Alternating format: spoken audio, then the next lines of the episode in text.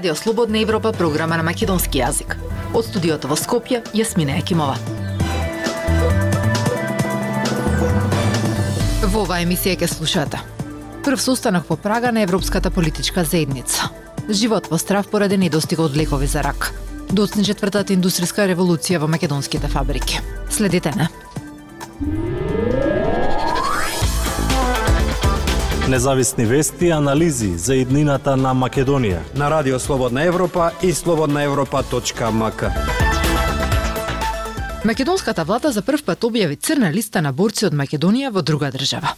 Во неа се најдоа 15 македонски државјани кои учествувале во паравојени формации во Сирија и Исламската држава.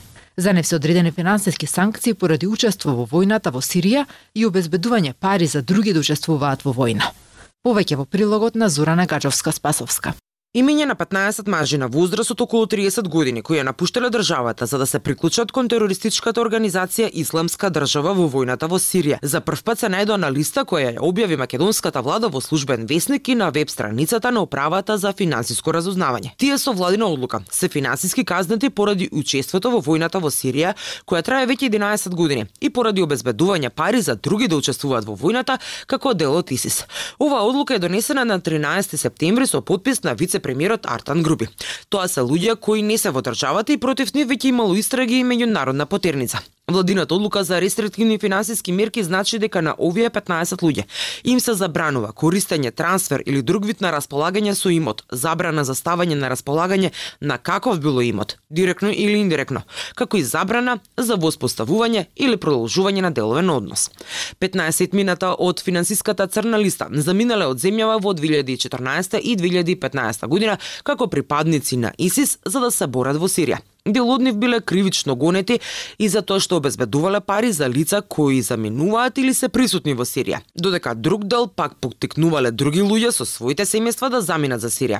Најголемиот дел од овие луѓе се мажи не постари од 30 на години. Дел од нив сами си објавувале фотографии на социјалните мрежи за да се пофалат дека се дел од паравојната формација Исламска држава која делува на територија на Сирија и Ирак. Ваквиот пристап на објавување на листа на борци од земјава во странски боишта значи значи исполнување на обврските и критериумите кои произлегуваат од меѓународните конвенции и спроведување на системот за рестриктивни мерки, објаснува за Радио Слободна Европа професорот од факултетот за безбедност Злата Димовски. Да попречиме или да ги оневозможиме во нивните основни мотиви да тие пари легнат на нивните сметки или евентуално ги користат во кеш како што и планираат истите тоа да го прават.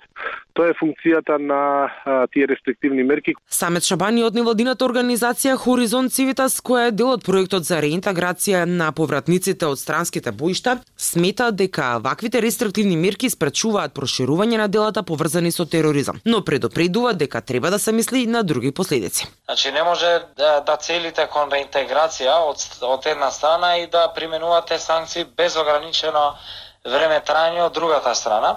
Неопределувањето на временска рамка за вакви мерки а, може да ги потикне лицата на дополнителна фрустрација и потрага по други криминални алтернативи. Македонската влада во 2018 година донесе национална стратегија за борба против тероризмот, како и национален план за реинтеграција, ресоциализација и рехабилитација на повратници од странски војски и нивни семејства. Од Македонија на странските боишта досега заминале најмалку 156 луѓе, покажуваат последните проценки на разузнавачките служби и невладините организации објавени во првото тромесечие од годинава.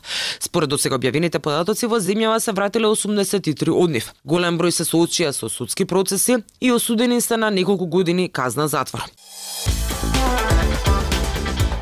Слободна Европа. Следете на на Facebook, Twitter и YouTube. Болните од рак живеат во страв поради недостиг од лекови.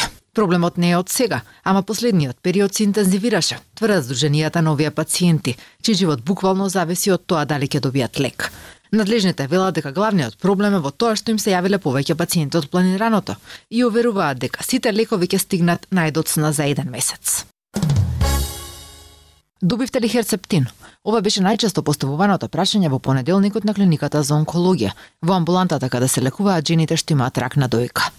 Лекот кој треба да се прима на точно 21 ден не беше достапен за болните, чиј живот буквално зависи од тоа дали ќе имаат терапија.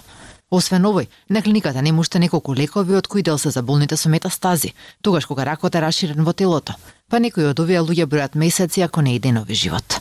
Освен на клиниката за онкологија, пациентските здруженија алармираа дека во одредени периоди лекови за рак не достигаа и на другите клиники, како за болните од лимфом, рак на крвта или меланом рак на кожата. Миријана Бабамова од Сдруженијето Хема вели дека ова е проблем веќе 17 години, откако го формирала Сдруженијето каде членуваат пациенти и семејства на болни од рак, главно со хематолошки малигни заболувања. Раз се разговараше со неколку пациенти. Дело од нив досега не се соочила со ваков проблем, посебно оние кои се лекува во време на пандемијата.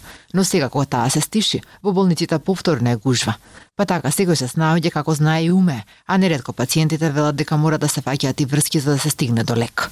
Бабамова забележува дека изминатиот период состојбата била загрижувачка. Недостатуваат лекови за хронична миелоидна леукемија, одреден период за лимфоми, недостасуваат за рак на дојка, недостасуваат за меланом и за многу други типови и видови на карциноми. Побаруваме средби со надлежните власти, значи цело време сме во контакт со нив, меѓутоа тие остануваат некако глуви на нашите барања.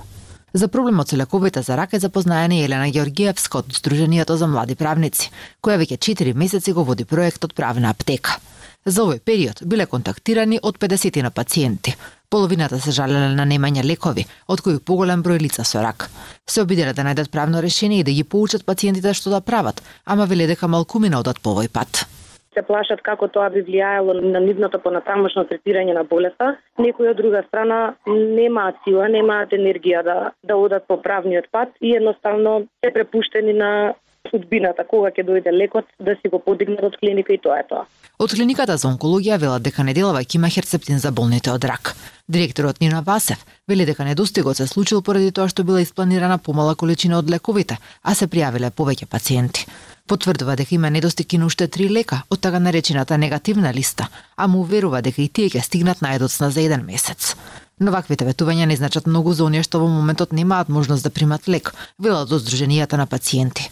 Како можно решение за најголем дел од лековите, го гледаат нивното префрлање на така наречената позитивна листа, која не е обновена повеќе од една деценија. Затоа веќе има формирана и работна група во влада, но првите резултати може да се очекуваат по две години.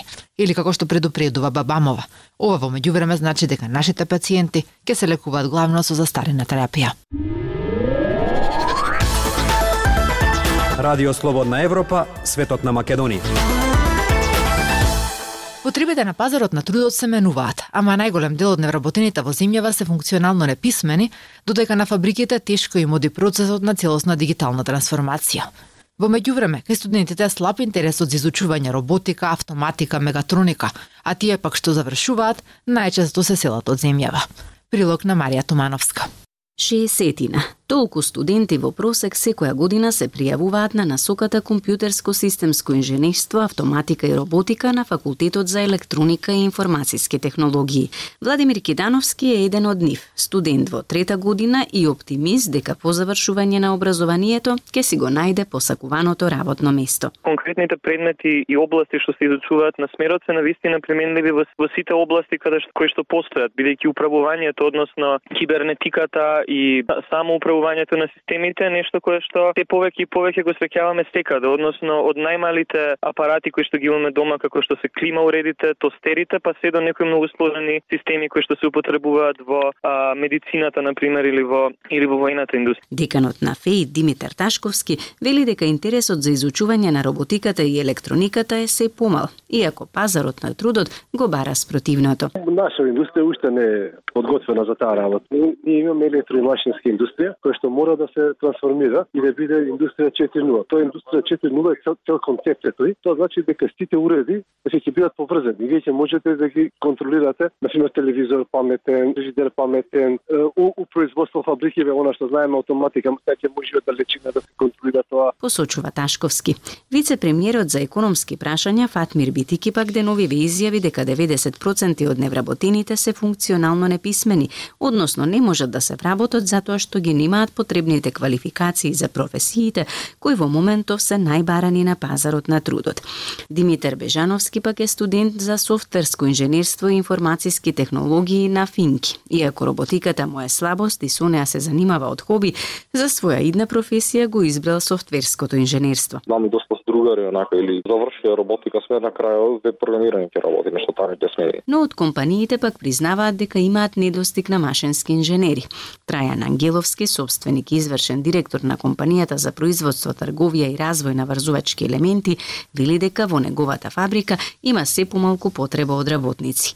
Нема капитални инвестиции во државата, многу компании не може да се не може да најдат адекватен простор, адекватни хали, адекватни услови, не се инвестира доволно од страна на компаниите и кога вие немате адекватни простори да ја развивате вашата компанија, вас кадар во момент кај што не можете да изградите адекватен комплекс, не ви треба. Откако на пазарот на труд се појави дефицит на квалификувани кадри со средно образование, а уписот во голем дел од средните училишта беше многу мал, надлежните одлучија со кампањи и вложување во стручните школи да го вратат интересот на младите.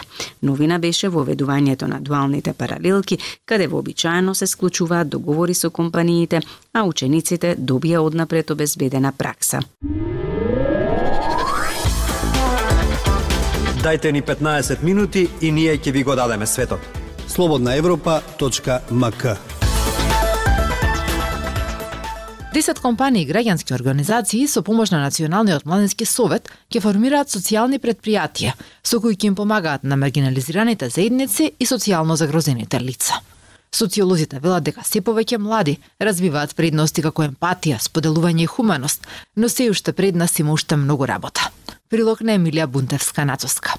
Здружение на граѓани од Неготино ќе обучува млади лица и лица од социјално загрозени категории да одгледуваат печурки и така да заработуваат, а битолска иницијатива ќе ги учи младите на занаети со примена на виртуелна реалност. Тие седни од десета компании и граѓански организации кои во следниот период ќе формираат своји социјални предпријатија. Од фондови на Европската унија преку Националниот младински совет добија грантови да ги остварат нивните идеи да им помогнат на социјално загрозени угрозени или маргинализирани групи да најдат работа или полесно рамноправно да се вклопат во општеството. Социјалното предпријатие Brand Solution преку платформа ќе им понуди на лицата со попреченост да дојдат до работа од дома или воопшто до вработување, откако предходно ќе ги обучат за дигитални вештини. Професионално ќе може да се осврнеме на едукација на ранливи категории, конкретно лица со телесна попреченост во моментов, а, кариерен развој, кариерно советување и нивно вработување подоцна преку платформата како фриленсери или со полно работно време. Изјави за РСЕ Елизабета Јовановска, основачка на социјалното предпријатие. Младиот жестапанар Дамјан Даневски пак понудил идеја за инклузивна музичка школа за деца и младинци со типичен и атипичен развој, пак ја нуди специализирана настава за лица со попречености. Има доста млади музичари кои што сакаат да го прават тоа и сакаат да помогнат на секој можен начин да мрднат работива колку што можат повеќе. Вели Даневски за РСЕ. Во овие проекти треба да бидат вклучени млади луѓе или треба да ги осмислат и спроведуваат млади, велат од Националниот младински совет. Колку младите покажуваат грижа за другите околу нив? Се повеќе и повеќе младите имаат стем кон а, другите и кон афирмација на тие вредности во однос на емпатија, споделување, во однос на хуманост, однос на поврзување едни со други за постигнување на повисоки цели. Иако сметам дека тој тип на однесување на младите кај нас се уште не е на едно задоволително ниво. Изјави за РСЕ професорката доктор Марија Дракуловска Чукалевска, која предава социологија на филозофскиот факултет во Скопје. Ако нема промоција, ќе нема ни поттик и така ќе се шири пасивност и незаинтересираност меѓу младите генерации. Па затоа треба да се охрабрат за да имаат самодоверба дека можат многу да постигнат и да бидат нечи пример, заклучува професорката. Тоа беше се што ви подготвивме за оваа емисија. Од студиото во Скопје со вас беа Јасмина Екимова и Дејан Балаловски. До слушање.